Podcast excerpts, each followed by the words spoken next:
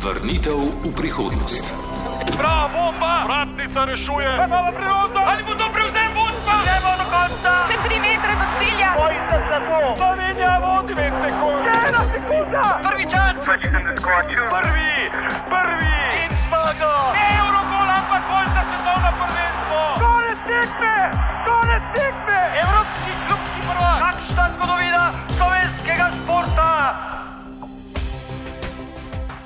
Smučarski skakalci so v zadnjem desetletju večkrat poskrbeli za navdušenje ljubiteljev športa. Postali so prepoznavni slovenski športni obrazi. Prvi pravi slovenski skakalni zvezdnik pa izhaja iz 90-ih let prejšnjega stoletja. Eno najbolj nepričakovanih slovenskih športnih zgodb po uspehu je spisal preprost mladenič iz Moravč. Kot meteor se je izstrelil med najboljše smučarske skakalce tedanjega časa in v dveh zaporednih sezonah slavil skupno zmago v svetovnem pokalu. Primoš Petrka je čez noč postal idol mladih. Kaj bo storil mladi Moravčan, ki še ni star 17 let? 17 let bo dopolnil 28. februarja. Dajmo Primož! Primož Petrka v nizkem počepu poglav se proti odskočnemu povolu 130 metrov v finalni seriji. Kaj bo pomenil ta skok? Ja! To je zmaga! To je zmaga! Primož Petrka je prvi! Fantastičen skok tudi v finalu! Bravo Primož! Bravo Primož! Bil je preprost in hkrati prvi pravi slovenski skakalni zvezdnik. Športno kolesje časa tokrat vrtiva športna reporterja smučarskih skokov Boštjan Rebršak in Matej Hrastar in se spominjava začetkov Primoža Petrke, zanimivih zgodb iz sezon največjih uspehov, čakanja na prvo kolajno velikih tekmovanj in veselja v dolini pod Poncami. Kakšna je bila zapuščina Primoža Petrke in kakšno prihodnost je tlakoval zdajšnjim in prihodnim rodovom. Čas je, da zavihamo rokave in se podamo v čas, ko je Primoš Petrka v Sloveniji spremenil pogled na smučarske skoke. Časovni stroj. Dajmo bojem samo še nekaj sekund! Bravo Petra! Petra je tretja! Mateja Svet je zmagovalka! Primož Petrka daleč leti! Slovenija slavi! Konec je, konec je!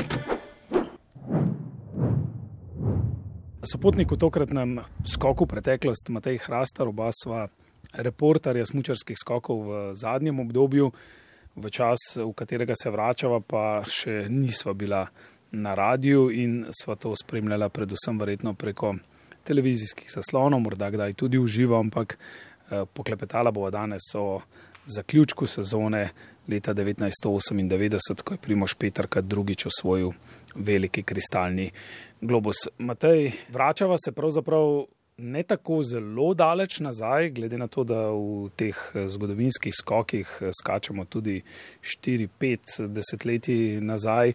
V spomine, ki so še zelo živi pri eh, slovenskih ljubiteljih smučarskih skokov in ki so povzročili res tisto prvo pravo, ekstremno euforijo smučarskih skokov v Sloveniji. Kako si jo ti doživel osebno, recimo leta 1998. To so uh, res lepi spomini. Uh, smučarske skoke smo z veseljem spremljali pri nas doma. Uh, že ljubezen se je prenašala od mojega očeta, ki je beležil vse nekako slikovno gradivo, ki ga je lahko dobil v časopisih tistega časa, že od svoje mladosti naprej in to potem prenašal na naju z bratom, predvsem, ki so to najbolj z veseljem seveda z njim spremljala.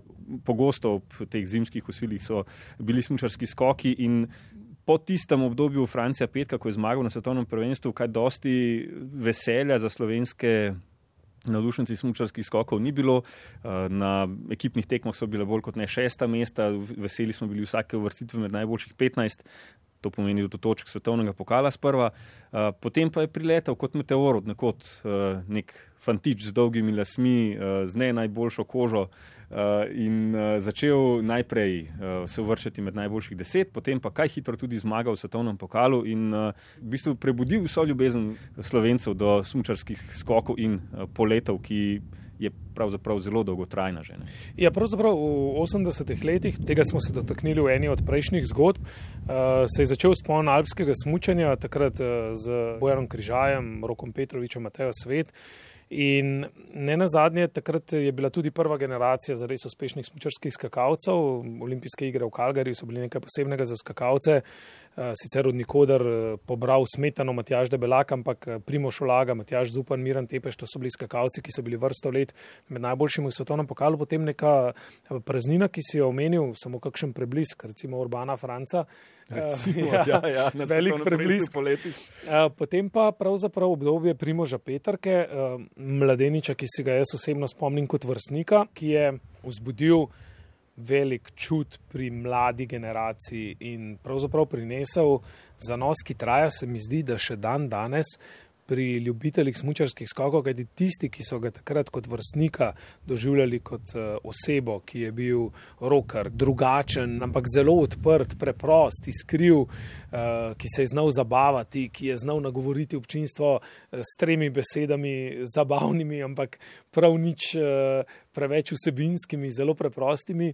Ti še zdaj, se mi zdi, jadrajo na teh uspehih smučarskih skokov in Primoža se bomo verjetno zares spomnili po te njegovi posebnosti, ki jo je kazal in vplivu, ki ga je pustil na mlajšo generacijo, se pravi name osebno kot na vrstnika, pa tudi mislim, da še na kakšnega mlajšega in starejšega. Ja, name je naredil vtis ne toliko kot e, na vrstnika, ker sem le pet let mlajši od njega ampak eh, vseeno uh, sem ga gledal z velikimi očmi, uh, skoraj da kot velikega brata, ker si pa govoril o tem, ne, kako je bil nekako zvezda in vzor mladi generaciji. Meni je zanimiva dvojnost njegova. Ne. Po eni strani je bil zvezda, velik v očeh mladine, po drugi strani pa je bil zelo preprost fantič iz ene majhne vasice nič kaj dosti uh, poseben ali pa da bi jadral na tem, vsaj zelo preprosto na začetku, pa iskren, ne, vedno v odgovorih, iskren, uh, prijeten za novinarje. Naš kolega Rajko Dolinšek je dejal, da z njim ni imel ene slabe izkušnje v vsej svoji karieri, pravzaprav v vsej primoževi karieri. Ne. In tako kot si rekel, če ne bi bilo njega, uh, slovenskih uspehov v 90-ih letih praktično ne bi bilo in je ponesel vso to, uh, vso to slovensko skakanje potem naprej v novo tisočletje in so se začeli pojavljati novi šampioni, od njega pravzaprav potem naprej lahko potegnemo linijo do današnjega današnjih dni. Prav zanimivo je, vedno vsakeč znova se na kakšni tekmi vrnem uh, ali pa vsako sezono vrnem nazaj in rečem, ok, Primoš Petrka, zmagal pri 17, prišel v svetovni pokal. In... No, da te ustavim. Uh, šesti najmlajši zmagovalec še vedno v svetovnem pokalu, uh, nekaj dni pred svojim uh, 17. rojstnim dnem. Kaj bo storil mladi Moravčan, ki še ni star 17 let? 17 let bo dopolnil 28. februarja. Dajmo Primoš! Primoš Peter, kavalist v Čepu, poglav se proti odskočnemu povolu, 130 metrov v finalni seriji. Kaj bo pomenil ta skok? Ja! To je zmaga! To je zmaga! Primoš Peter, kaj je prvi! Fantastičen skok tudi v finalu! Bravo Primoš! Bravo Primoš! Še ne star 17 let je dosegel 11 zmago za, za Slovenijo v smučarskih skokih. Ja, jaz ne vem, kaj ne rečem. V Baško, ko sem tako uspela, pa tudi ne vem, zgleda, da je danes moj srečen dan.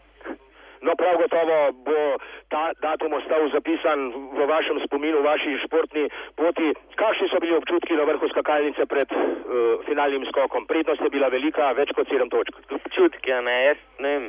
Še pred tekmo sem v kombiju malo premišljal, Marija, kaj če bi jaz danes zmagal.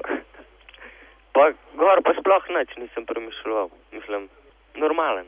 Primoš Petrka eh, je bil zanimiv ob spremljanju tudi zato, ker se vse le veliko dogajalo okoli eh, njega. Ne. Eh, zdaj, ne na zadnje, imel je za partnerico, sopotnico, ženo, kasneje mis Slovenije, bil je v spredju, nekateri so ga celo izkoristili v tisti dani situaciji, svojo preprostost je poskušal delno zadržati zase, delno je delil z drugimi. Eh, generalno eh, pa je Primoš Petrka pravzaprav oral redino tega športa v Sloveniji, ko govorimo o navdušenju in pa predvsem zvezdništvu. Recimo, zvezdništvu ja. Ja. Tako, eh, zdaj, zvezdnik eh, v tistem času biti v Sloveniji ali pa recimo v Nemčiji dve leti kasneje, Martin Schmidt je bilo povsem drugače. Ne? Martinu Schmidtu so bili pravzaprav tlakovani zlati tlakovci, ne? v Sloveniji pa je bil to še preboj športne panoge, čeprav so bili smučarski skoki in planica v zavesti, ampak bilo je drugače. Ne? In to je bilo tisto, kar je morda tudi um, pri Primožu in njegovi karieri vendarle uh, pustilo pečat v nadaljevanju, da ni bilo te kontinuitete še dlje. Nekaj novega je um, dosegal ne, in zato je postal najuspešnejši slovenski skakalec vseh časov do tistega trenutka. Moj občutek je, da dokler je skakal dokaj neobremenjeno uh, in s to otroško miselnostjo, ne, uh, recimo njegov trener takrat, Jelko Gros, je večkrat rekel: Ja, Primož skače, ne razmišlja o tem, ne, kaj, kaj je pravzaprav dosegel, ne vidi realno, kje je. In potem, ko je to minilo, to začetno otroško ali pa najstniško navdušenje. Se mi zdi, da je tudi Primo začel malo bolj razmišljati, kje se nahaja in je tudi to vplivalo uh, na njega. Morda je bil celo premlad za takšen uspeh, glede na to, kakšen karakter je imel. Ne. Ja, zdaj, Primoš je ne na zadnje tudi pobiral nagrade, ne? okoli njega se je začel vrteti tudi denar. Zdaj, če ti zmagaš enkrat v karieri ali pa dvakrat, to še ne pozna ja, toliko. Ne? Če pa se začne to serijsko dogajati in če že drugi zapored osvojiš veliki kristalni globus, kar bo tudi osrednja zgodba uh, današnje epizode. Potem pa se začnejo dogajati stvari, na katere si ali pa nisi pripravljen. In, Eh, se mi zdi, da takrat ne samo, da ni bil Primož pripravljen, vendar je šlo za 18-letnika eh, oziroma kasneje potem 19-letnika, ampak vseeno najstnika, ki je iskal svojo, se mi zdi takrat še tudi življenjsko zgodbo, medtem ko okolica je pa videla v njem predvsem magnet, ki je bil ali na vseh plakatih, televizijskih reklamah, skratka, vsak, ki je imel trenutek časa izkoristil to priložnost. Mogoče tu samo še to. Ne. Zanimivo se mi zdi, da čeprav je bil, vsaj uh, zgledalo je, kot da je Primoš izjemno psihično stabilen tekmovalec ne, v tistih dveh zmagovitih sezonah in pol, ampak vseeno pa na velikih tekmah.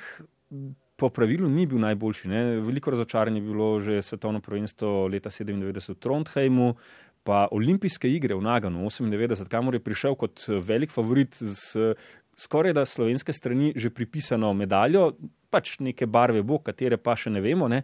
Tudi tam je uh, bil razočaran s petim in šestim mestom, in tudi konec koncev na svetovnem prvenstvu poletih v Obrozorfu tega istega leta se uh, ni izkazal. Tako da velika tekmovanja niso bila uh, njegova specialnost, vse do uh, poznejšega ne, obdobja v Salt Lake Cityju, kjer je z uh, ekipo prišel do medalje. Ja, ampak takrat je bil del ekipe in takrat ja. je bil, ne bom rekel, najšipkejši člen, ker je vedno razložil, da je bil to Damjan Fras in da je popravljal za njim tudi v eni od izjav.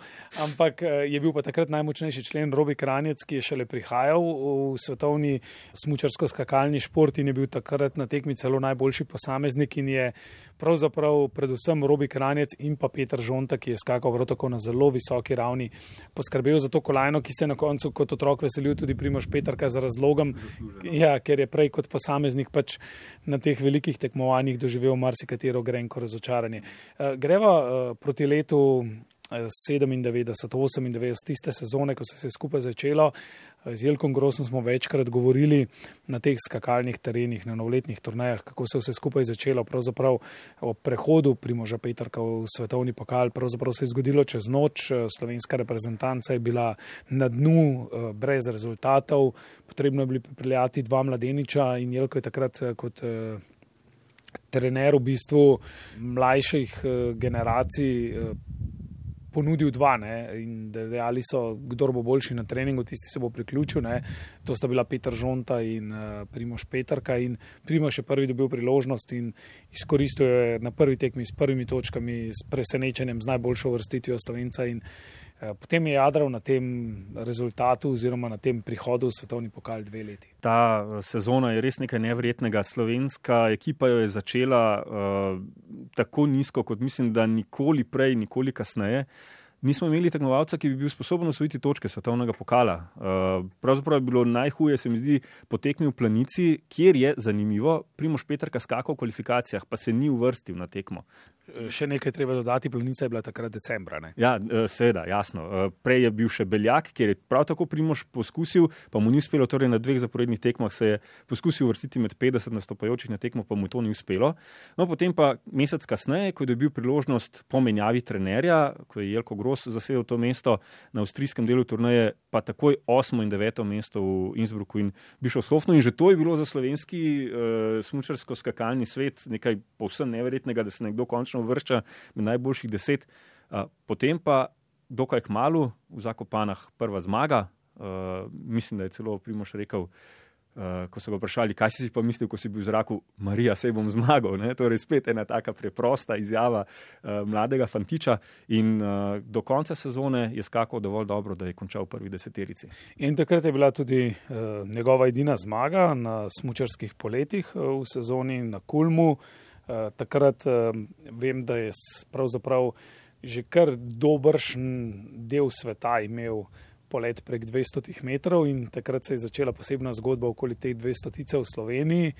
In uh, lov na 200 se je začel. Primoš prave konkurence ni imel, na Kulmu pa je pač postavil piko na in si prislužil tudi motor, uh, ki se ga je še kako razveselil. Ja, že pred koncem uh, svojega, še prednji je dokončal do, uh, v izteku, pristal je. Uh, in uh, se vozil v iztek, uh, dvignil roko v zrak, visoko, zažugal s svojim prstom, potem pa takoj še pred se je ustavil, za, začel zaganjati virtualno motor, ne samo rekord naprave, ampak tudi slovenski rekord takrat 203 metre. In sedaj, spoštovane poslušalke, poslušalci, nestrpno pričakovanje na vrhu skakalnice je naš Primoš Petrka. Primoš Petrka, dajmo Primoš v nizkem počepu proti odskočnemu pomolu. 195 metrov in pol prvi seriji zdaj je odrinil. Široko je razprl korice smuči skoraj 105 km. Čez rosta mizi, kako dolg skok, zmaga je naša, prek 200 metrov in prvi slovencec, ki je skočil prek magične meje.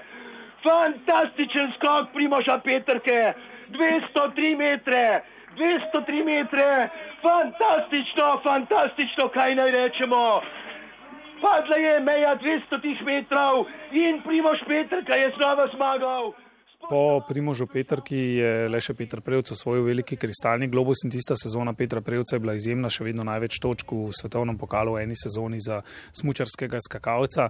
Pravzaprav se je vedelo že hitro po novoletni turnaji, da Petr Prevc bo osvojil veliki kristalni globus. Primož Petrka pa je oba osvojil na izjemno uh, tesen način. Je bila takrat konkurenca tako zgoščena, um, čemu pripisati to, da pravzaprav ob meteorskem usponu in dveh kristalnih globusov, nobeden od njih ni bil takšen, da bi rekli, ne, prepričljivo je osvojil veliki kristalni globus in že nekaj tekem prej se veselil tega. Jaz mislim, da je kombinacija večine stvari, ki si jih omenil, recimo sploh v primeru prvega kristalnega globusa, ki ga je imel Primoš tako uh, v rokah, ampak potem z Ditrom Tomo uh, v zadnjem trenutku še uh, se boril, kdo ga bo osvojil.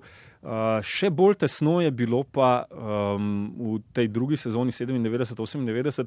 Mislim, da je to celo najbolj tesen razplet vseh ne more časov. Biti. Najbolj tesen je bil Freund Prevc. To, to je absolutno res, če, gre, če gledamo samo dva, ampak najbolj izenačen pri vrhu. Še nikoli se ni zgodilo, ne prej, ne potem, da so bili štiri tekmovalci ob koncu sezone v 130 točkah. Takrat so bili uh, Masahiko Harada, Andreja Svithelcel, Kazujoši Funak in uh, Primoš Petrka. Pravzaprav pred zadnjima dvema tekmama vsi v igri za veliki kristalni globus. Vodil je celo Andreja Svithelcel, ki je potem osvojil le prgišče točk na zadnjih dveh tekmah in tako ostal brez njega. Ja, vsekakor najtesnejši razplet je tudi pri Slovencu, ne, torej izenačenje uh, s Freundom in uh, Prevcem. Ima pa potem Primoš Petrka tretji najbolj izenačen dvoboj za veliki kristalni globus. Le še Ahonen in Ljökelsoj sta bila uh, bliže skupaj z desetimi točkami, na koncu je pa Primoš Petrka Kazujošija Funakija premagal za 19 točk. Izjemen razplet sezone, v katero se bomo podali, je Primožova serija zmag v drugi polovici sezone nakazovala, da bi se to pod koncami lahko zgodilo, torej da bi prišel do drugega velikega kristalnega globusa. Pravzaprav je topil prednost iz tekme v tekmo, ampak nije pa uspel vstopiti. Ne, uh, ni nosil rumene majice, uh, ni mu šlo na roko, da je recimo v Trondheimu ostal brez točk po veterni loteriji, čeprav je na, Norve na skandinavski turnaji zmagal na skoraj vseh tekmah, tako na finskem kot na švedskem in potem še na Holmenkolnu. Ampak uh, bližal se je, ni pa prišel. Uh, V vodstvo, da bi bil on tisti, ki bi ga lovili vse čas, je lovil. Uh, tako da glede na to, koliko jih je bilo blizu, ni bil glavni favorit. Torej, uh, veliko gledalcev, navdušenje in zanimivo. V planici, tako kot vselej, dve tekmi ob koncu, ob finalu svetovnega pokala, obi posamični. Na prvi primož še ni bil v rumeni majici vodilnega in mislim, da je celo edini skakalec v zgodovini svetovnega pokala, ki je na zadnji tekmi obrvič nosil rumeno majico, oblekel jo je po. Eh, pred zadnji tekmi in torej na koncu jo tudi zadržal. Torej, eh, šele na zadnji tekmi je prvič v sezoni nosil rumeno majico, na koncu pa je ohranil. Eh, zgodba, ki sledi, zanimiva, pestra, polna čustvenih doživeti takratnih reporterjev, reporterske ekipe, ki je bila bogata, tako kot je tudi dan danes v planici. Luka Dolar pa povezuje vse skupaj v naslednjih minutah. Iz našega arhiva. Skupni zmagovalec letos drugič. A sem? Si. Primoš Petrka je v sezoni 1996-97 slovenski narod redno razvajal. Naslednja sezona je prinesla malce več tegob, a dolgolasemu Moravčanu se je išlo še enkrat. Naskok na drugi kristalni globus je začel s štirimi uvrstitvami na zmagovalni odr, sicer brez zmage, do novoletne turnaje, kjer je na to tri zaporedne zmage nanizal Japonec Kazuyoshi Funaki, kasneje tudi svetovni prvak v poletih v Obersdorfu in olimpijski prvak na domačih igrah v Naganu 1998. Prvo zmago v sezoni 97-98 je Primoš Petrka opisal 18. januarja, tik pred preomenjenima dogodkoma in sicer v polskih zakopanah. Primoš Petrka, zdaj si v nizkem počepu, dajmo Primoš. Približuje se odskočnemu pomolu, Funaki 128 metrov, kaj bo sedaj naredil Primoš Petrka? Mirno leti, to bo lep in dolg skok in zmaga je naša! Zmaga je naša! 20. slovenska zmaga in 10. zmaga Primoža Petrke. Fantastičen nastop, 127 metrov, 127 metrov in prvo mesto. Potem, ko mi zdale novoletna turnaja, pa včeraj glih ni šlo, danes še toliko slajš, še toliko boljš. Oba dva skoka lahko pišem, če sem ustaven, dva normalna skoka, ne zakomplicirana, sproščena, normalna. Takrat je zasedal četrto mesto v skupnem seštevku, zmagoviti pohod pa je uprizoril v Skandinaviji, ko je dobil tekme v Lahtiju, Falunu in na Holmankolnu. Pred finalnima tekmama na stari Blotkovi velikanki v planici je v skupnem seštevku za Andrejasom Vithelclom zaostajal 24 točk, v igri za veliki globus pa sta bila še dva iz številčne in takrat zelo močne japonske zasedbe, Funaki s 77 točkami zaostanka za Ostricem in Masahiko Harada s 97 točkami zaostanka. Prva tekma v planici se je razpletla z zmago Funakija, drugim mestom Peterke in Jezo Vithelcla, ki je v slabih pogojih končal na 24. mestu. Moravčan je tako prvič v sezoni oblekel rumeno majico, pred zadnjo tekmo pa je imel 33 točk prednosti pred Funakijem. Preden vas znova prepustimo reporterju Rajko Dolinšku in njegovi ekipi takrat pod Poncami, še o razpletu prve serije finalne tekme sezone 97-98. Peterka je zasedal četrto mesto, Funaki je bil sedmi, z rekordnim skokom dolgim 147 metrov in pol je vodil Norjaki Kasaji, drugi je bil Hiroja Saito, oba Japonca, tretji pa Avstrijec Martin Helvar. Primoš Petrka, ali je to skok k velikemu kristalnemu globusu? Nikakršni pogoji, nikakršne razmere. Vetromir se je praktično povsem ustavil, slab veter, no iz, iz doline pa je zabučalo. Primoš Petrka je na vrh skakalnice. Slab veter, slab veter za Primoža Petrko, škoda, škoda. Včeraj je imel sreče, tokrat danes nima sreče. No, sicer pa videli bomo, kaj se bo zgodilo. V nizkem počepu Primož Petrka iz doline Buči, zdaj, zdaj bo odrinil, slab veter, Primož Petrka leti, mirno si je nastavil smoči, kako dolgo njegov skok, precej, precej krajši kot od Funakija. Kaj se bo sedaj zgodilo? Kakšna je bila daljava Petrke? Vsi nestrpno čakajo 115 metrov in pol samo. 115 metrov in pol, ali to pomeni, da bo Funaki zmagovalec svetovnega pokala. Četrto mesto Primoža Peterke.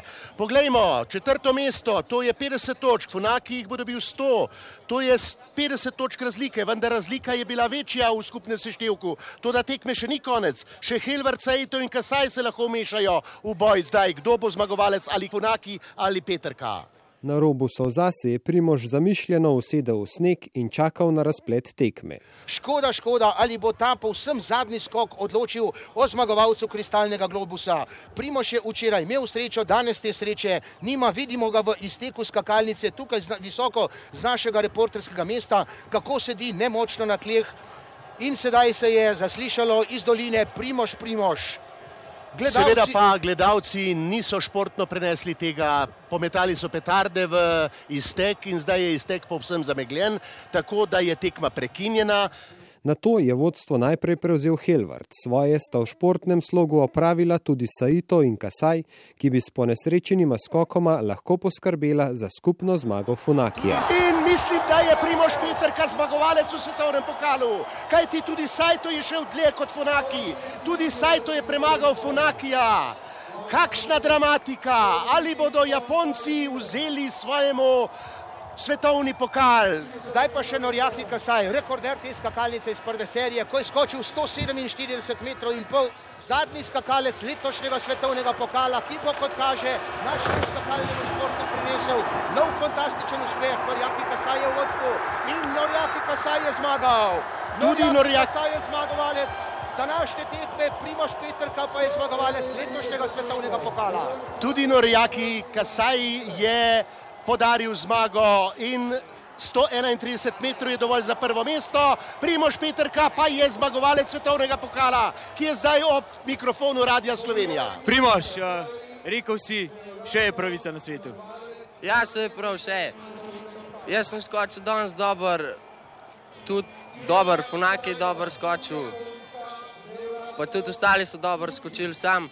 Že včeraj ni bilo, ni bilo zelo fair tekma, danes tudi ne. Tale vreme je vse malo mal tako naredil. Enkrat ima eden srečo, drugič pa drugi, ampak na koncu se vse skompenzira. Kakšni so občutki letos, lansko leto, prvič, skupni zmagovalec letos, drugič? A sem? Si. Ja, lepo bomo mi to nadaljevali. Ob končnem četrtem mestu Funakija in sedmem Petrke na zadnji tekmi sezone je Primož ohranil 19 točk prednosti v skupnem seštevku in drugo zaporedno rajanje pod poncami se je lahko začelo. V izteku je prava gneča, seveda se varnostniki borijo z vsemi navijači, ki hočejo uiti v prostor, kamor ne smejo. Tule v meni pa je Miran Tepeš, uh, fantastičen uspeh, ne Miran. Ja, to je bilo res lepo gledati. Uh, Danes je tako izpadlo, da so Japonci primože rešvali. Jelko, lani, ko smo videli to tekmo na velikanki, smo rekli, spomnim se vprašanja, ali to lahko Primož Petrka ponovi, kar je storil lani. Takrat ste dejali, to bomo videli po naslednji sezoni, danes je Primož to ponovil in kaj pravite danes? Če preletim nazaj, bom rekel, da je bila to ena zelo težkih sezon, ker je bilo toliko usponov in pacov, toliko zgrešenega in na srečo nam danes ni treba računati, kaj vse se nam je letos zgodilo po nesreči, če rečem zmaga v Lahtiju, ki bi mogla biti gladko naša. Če vzamem sodnike v, na poletih, če mogoče so sodniki slabo sodili čez celo leto primoža. Če naštevam še tiste ponesrečene skoke v Trondheimu, recimo s tistim vetrom in to.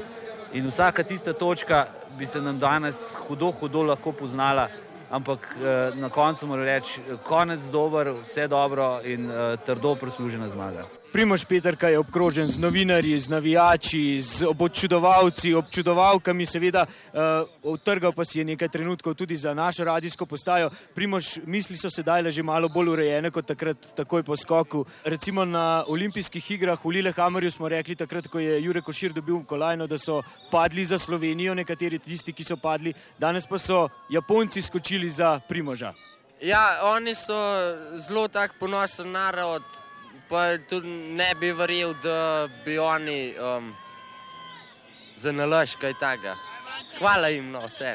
O morebitni nepoštenosti Japoncev je bilo po tekmi kar nekaj govora, tudi čez nekaj let pa so bile misli glavnih slovenskih protagonistov takratnega obdobja Primoža Petrke in glavnega trenerja Jelka Grosa zelo jasne. Nič ne rečem, siguran bi se dal narediti, kot da bi jaz ostal brez. Ne, o tem nismo nikoli govorili, smo pa z vas bajcem govorili, pa tudi on mi pojde, da so oni med sabo govorili, ampak so rekli, da tekma vsaka je pomembna, če je šansa za zmago, je, se bojo borili vsi, tako ne, tako se zagre. Dva Japonca in mislim, da ni prišlo nobeno na misel, da bi odigrali, recimo, tako, kako se reče, umazano igro in skočili namenoma na hrbtišče in sta oba dva, recimo, pokazala svoje znanje in uh, s tem omogočila tudi Primožu, da uh, je osvojil drugi kristalni globus. Primož je oba kristalna globusa osvojil igraje, tako kot tudi publiko širom sveta. Bil je mladostniško razigran in predvsem bil je on, tisti leteči moravčan z dolgimi črnimi lasmi in posrečenimi, po večini vedno kratkimi izjavami pred mikrofoni. Pa se tudi Primoš vi spominjate Rajkota, kako posebej? Seveda, on je bil eden uh, prvih novinarjev, ki sem imel stik uh, z njim. Čist fine dates.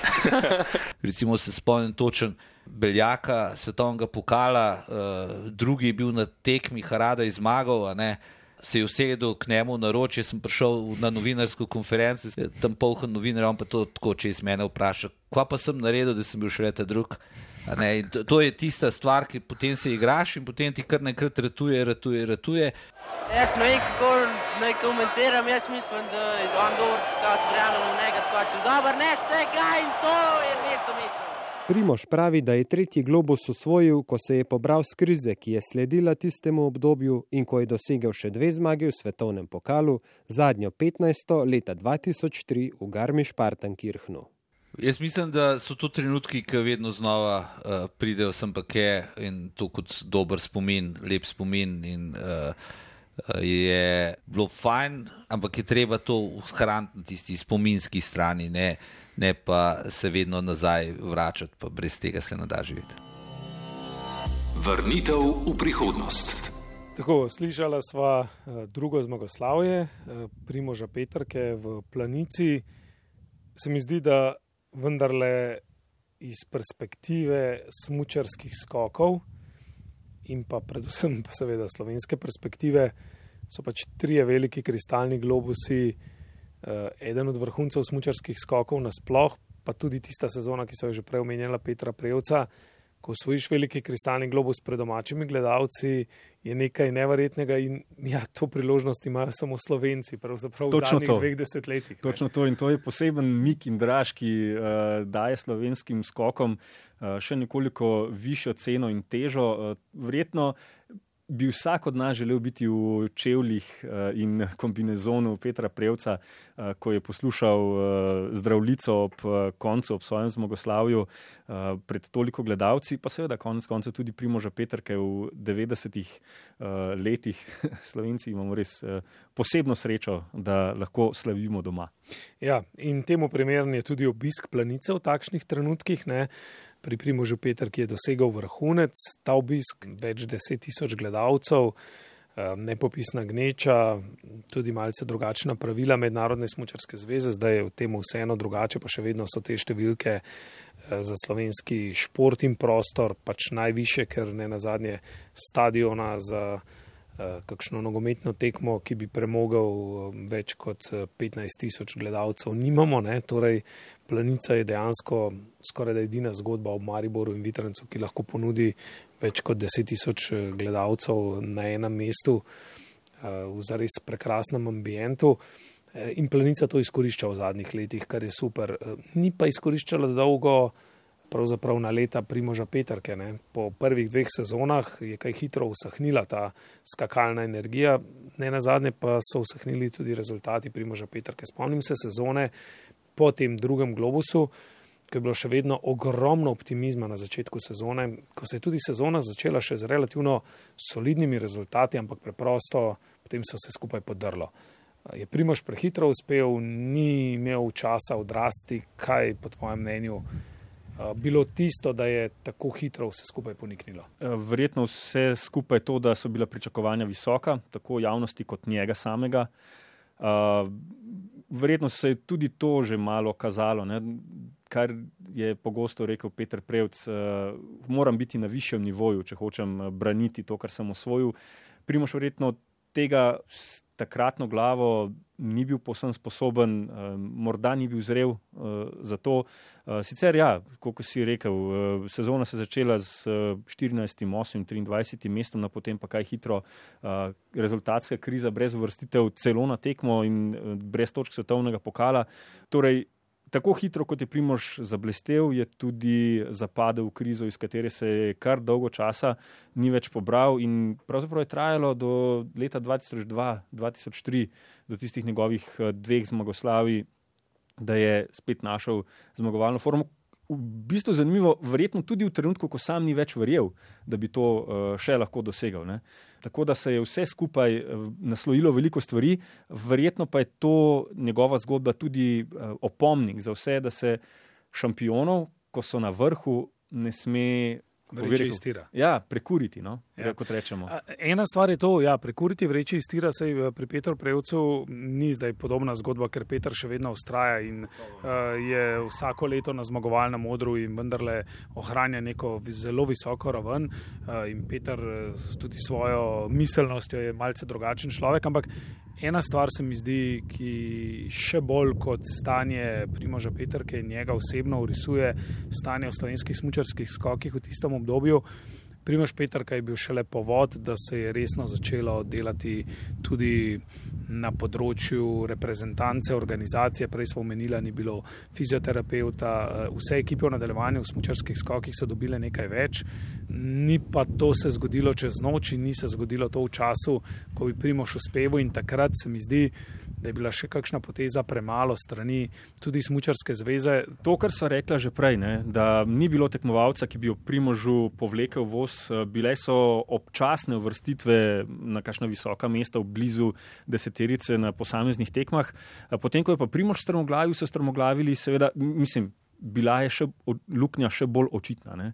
Ampak se je tudi poravnala, recimo, ok, Primoš je strmoglavil, pa se je uspel 2003, pa je potem prišel recimo Rok Benkovič, pa tudi njega nismo znali zadržati dolgo časa pri, v teh svojih vrstah in se mi zdi, da se je mogla spremeniti kar celotna eh, struktura ustroja in pogleda na smučarske skoke, na smučarski svet. Tu meriš na uh, panožni center v Kranju, ki je zelo, zelo pomemben faktor. Uh, sam sem bil lani tam na dnevu odprtih vrat in kar sem tam videl, je pravzaprav uh, ne samo, da mi je uh, zbudilo veselje in razložilo, zakaj so slovenski uspehi tu, kjer so, ampak pa ne samo pri Petru Prevcu, ampak tudi pri vseh ostalih skakalcih, kjer imamo kar uh, veliko zalogov novih in novih tekmovalcev, ampak me je tudi utrdilo v prepričanju, da to ne bo šlo nikamor seveda v pozitivnem smislu. Slovenski skakalci so tu in bodo tu, bodo tu ostali v svetovnem vrhu, ker imamo sistem, ki je dovolj dober, da bo to uh, zaganjal na, znova in znova. Ja, in Primoš Petrka je bil verjetno uh, eden od tistih faktorjev, ki je začel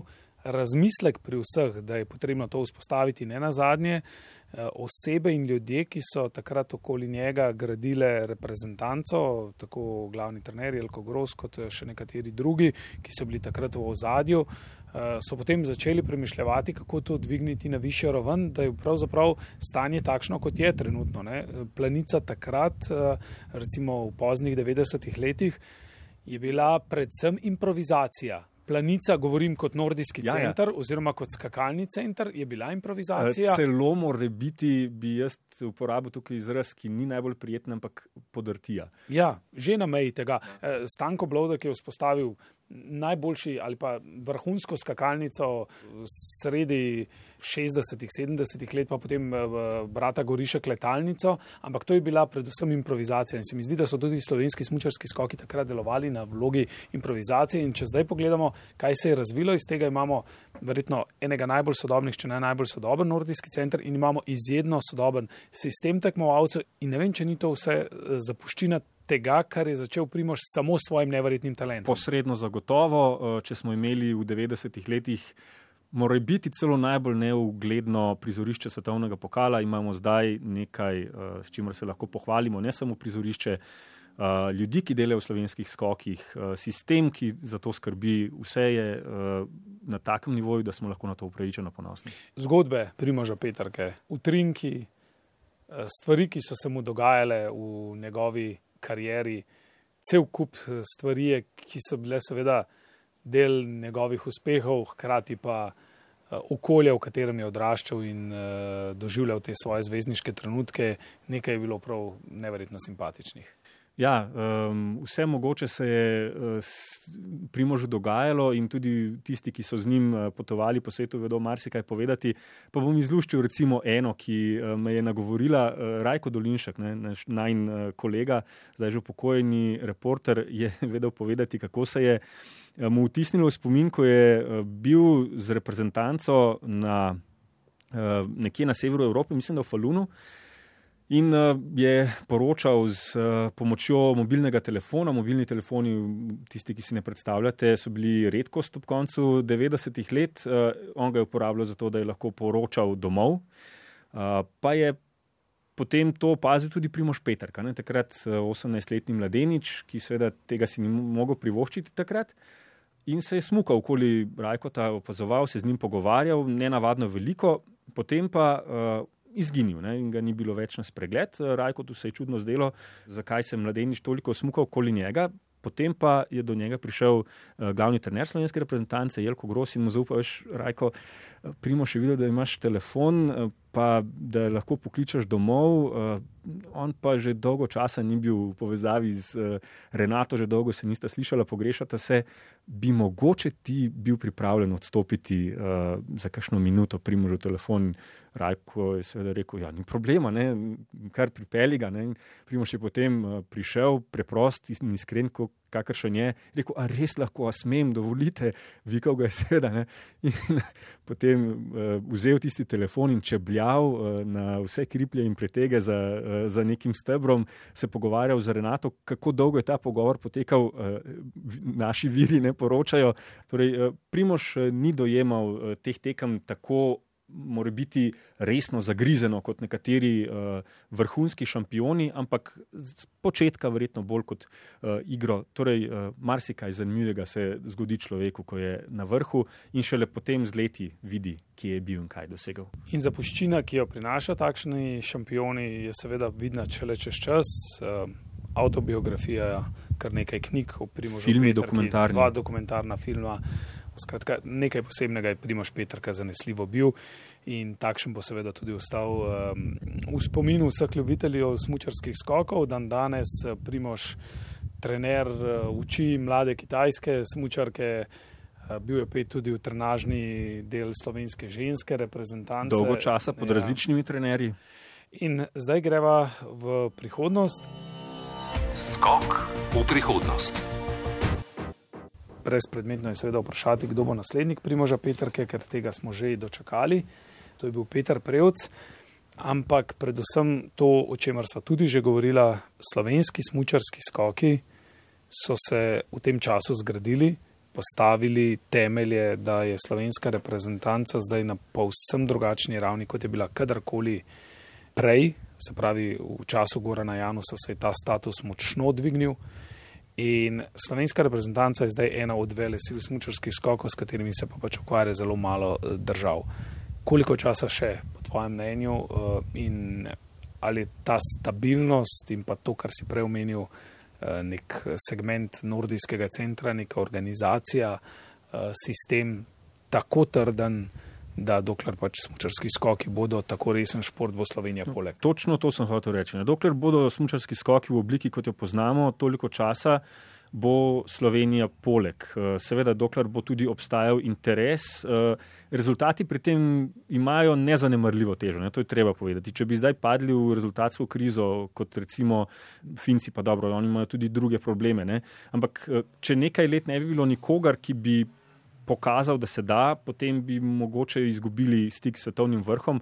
Torej, Slovenija je sila, lahko tudi vele sila, še vedno pa čakamo, da bo uh, osvojila tisto, kar si je želel in zadal Goran Janus, pa mu ni uspelo, uh, prvo v pokalu narodov. Kam gredo smučarski skoki? Uh, želijo si čim več velikih skakalnic, uh, letalnice so postale stalnica v svetovnem pokalu. Kaj še lahko novega ponudijo smočarski skoki? Uh, predvsem pa mislim, da v naslednjih vsaj desetih letih težko pričakujemo uh, mladeniča, kot je bil Primoš Petrka, ki bi zmagal veliki kristalni globus oziroma osvojil veliki kristalni globus preprosto zato, ker so smučarski skoki postali tudi delo na uh, dolgi rok in kakorkoli obrnemo zadnjih 10-15 let ni bilo najstnika, ki bi zmagal uh, v skupnem seštevku svetovnega pokala preprosto. So tu zdaj izkušnje, tu je trening moči in še marsikaj drugega, kar potrebuje skakalec, da je lahko najboljši. Jaz predvsem upam, da smočarski skoki ne bodo postali tako kot Formula 1, kdo ima boljši material, tisti je na koncu zmagovalec, ker to se konec koncev tudi že malce nakazuje. Seveda vsi poskušajo uh, različne stvari in to je tudi razumljivo in prav, ampak uh, ne bi si želel, da vsako leto zmaga tisti, ki je dobil najboljšo idejo sezono predtem ali pa pač v pripravljalnem obdobju čakajo nas. Smo pa zato veseli, recimo, zmage Rjoja Kobajašija in takšnih prebliskov, ki prinesajo nekaj širine v smučarstvu. Absolutno, tudi, tudi Japonci so dolgo čakali veliki kristalni globus od trenutka, gotovo, vsaj uh, uh, ko je ga je osvojil Primoš Petr, kaj predkazujošim Funakem, o tem se tudi govorila. In uh, Rjoja Kobajaši bil celo prvi Japonec. Tako, tako. Globusom, Sej, torej, ravno zato. Uh, se pa seveda obetajo spremembe uh, v svetu smučarskih skokov, če drugega ne, se je zamenjal uh, glavni mož Walter Hofer, ki je bil res pomemben pomemben človek v razvoju tega športa 30 let, zdaj novo ime, Sandro Pertile. Vprašanje, kaj bo on novega prinesel Italija na zemljevidu smočarskih skokov, trenutno je uh, siva pika. Uh, to seveda zdaj ne pomeni, da je z njim karkoli narobe, ampak vse pa seveda obetajo spremembe, kako bo, bo pokazal, uh, mora biti že v naslednji sezoni. Spremembe so torej možne v smučarskih skokih, absolutno, vendar prizorišča se pa prav veliko ne more omenjati, ker skakalnice so postavljene tam, ker so, morda si želijo še kakšne velikanke. Načrt je bil v preteklosti, recimo eh, finska letalnica v tunelu, to je pa že znanstvena fantastika, ki je vedno zadnje vprašanje eh, naše oddaje. Si predstavljaš smučarske skoke, eh, če smo danes zakorakali dve desetletji in še malo več, torej skoraj četrt stoletja nazaj, kakšni bodo smučarski skoki? čez četrt stoletja? E, mogoče v dvorani, tako kot kakšen drug šport. E, ne, to dvomim. e, govorijo o znanstveni fantastiki.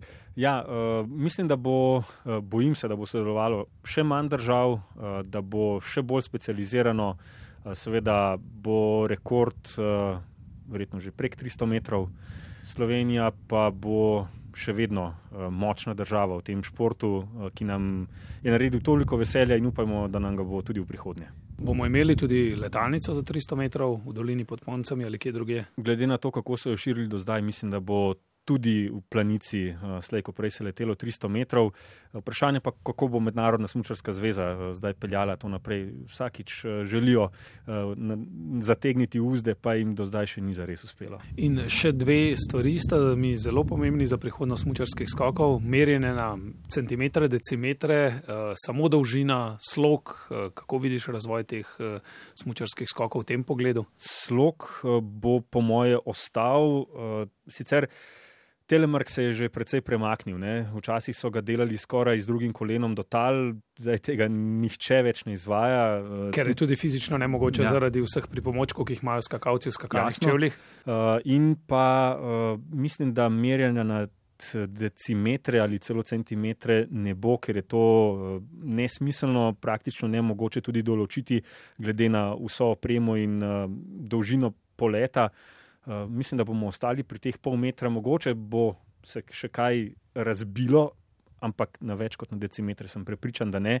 Uh, pa tudi konec koncev neka tradicija pa mora ostati. Uh, če bi zdaj recimo pri umetnostnem drsanju čisto zanemarili uh, to, kar je bil včasih uh, umetniški vtis, uh, to ne bi bilo več umetnostno drsanje. Ampak je umetnostno, ne? Smučarski skavki so pa smučarski skavki. In niso umetnostni, ne? Absolutno. Jaz mislim, da bomo prišli vse, ko pravi tudi namerjenje zelo podrobno, ne na zadnje zaradi eh, tudi računalniških igric, ki nam to omogočajo in vidimo, kako se recimo poigravaš sam s svojim skakalcem v zraku in potem eh, te natančno določi, do kam si skočil.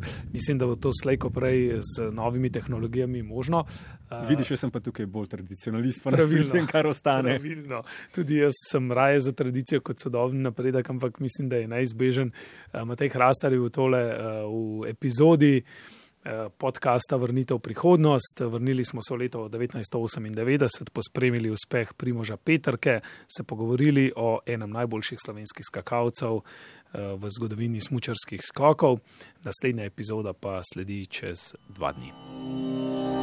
Vrnitev v prihodnost. Mislim, oprostite vse skupaj, ampak bom drugič kaj več povedal. V naslednji epizodi bomo zavrteli časovni stroj najdlje doslej v čas med obema svetovnima vojnama, ko je kar šest olimpijskih kolajn osvojil Leon Štukel. Skok v preteklost si bomo privoščili s pomočjo arhivskih posnetkov, spomine pa obujali o prihodu takrat 97-letnega Leona Štuklja na olimpijski stadion v Atlanti.